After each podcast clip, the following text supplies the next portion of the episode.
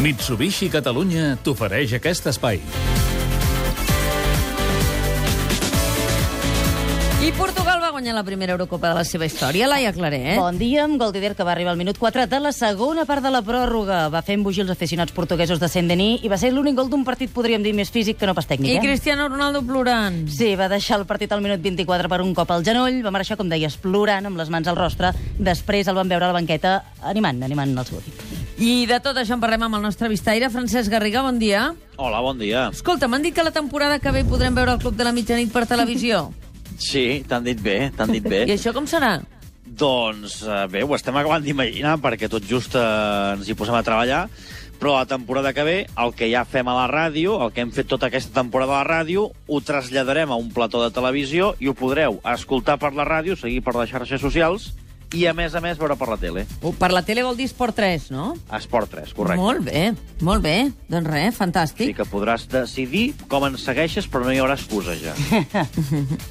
Escolta'm, vam haver d'esperar la pròrroga per moure el 0 a 0. Va costar això, Garriga. Va ser una final amb molt poca...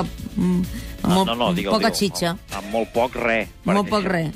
La vam estar seguint al, al club i el tot gira i hi havia gent que gairebé s'adormia. El Minguella deia, m'he hagut de, de, de prendre un cafè de manteniment. Diu, perquè si no ja queia. Perquè el partit va ser molt avorrit, sobretot si no tinava res, perquè emoció en tenia, perquè no hi havia decisió. Va tenir la lesió de Cristiano com a punt d'inflexió, perquè semblava que a Portugal se li acabaven totes les opcions, però els portuguesos van resistir, resistir, resistir, i al moment menys, menys esperat, pam, gol d'Eder, i Eurocopa per ells. I ja està. Cristiano Ronaldo plorava. Uh, tu creus que plorava perquè eh, una vegada que passen la història ell no hi era?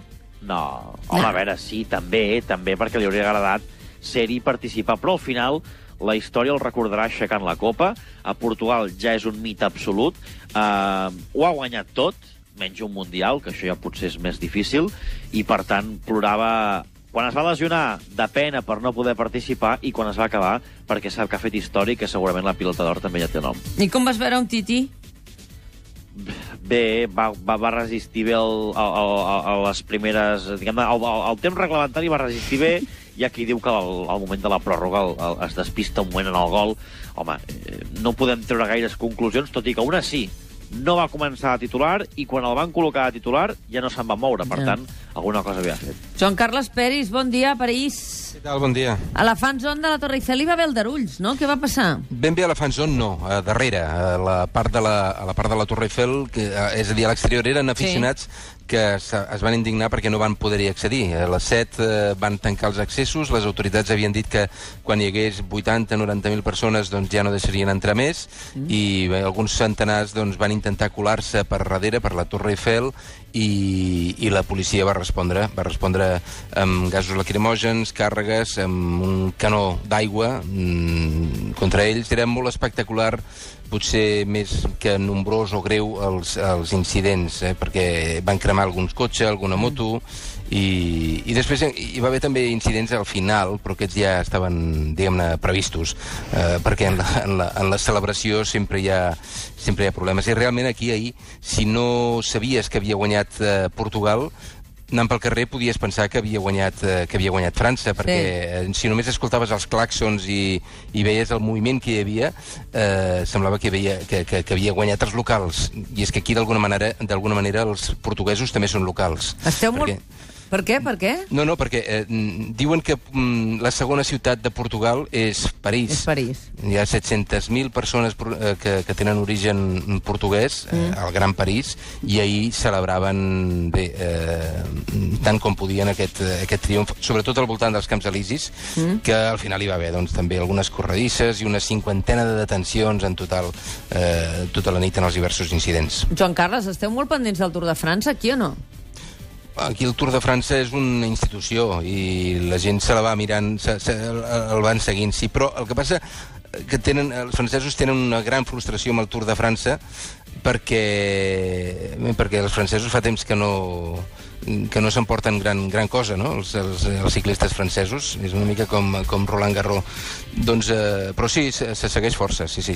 Aquí, ara Chris Froome està líder, no? Eh, Sí, Laia? sí, sí, manté el mallot groc i l'etapa va ser per aquí, eh, Joan Carles per nosaltres, per Catalunya va quedar a Andorra i l'holandès Tom Dumoulin eh, eh, se la va endur aquesta etapa d'ahir, mentre que Alberto Contador va haver d'abandonar. Ja ho veus, t'hem posat al dia, Joan Carles.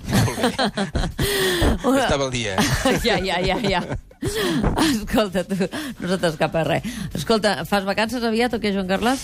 Mm, A finals de juliol començarem. Molt bé. Doncs no a veure passa si res. et veiem per aquí. Una abraçada, que vagi molt, Molt bé. bé. Francesc Ja, Garriga, adéu-siau. tu ja comences ja?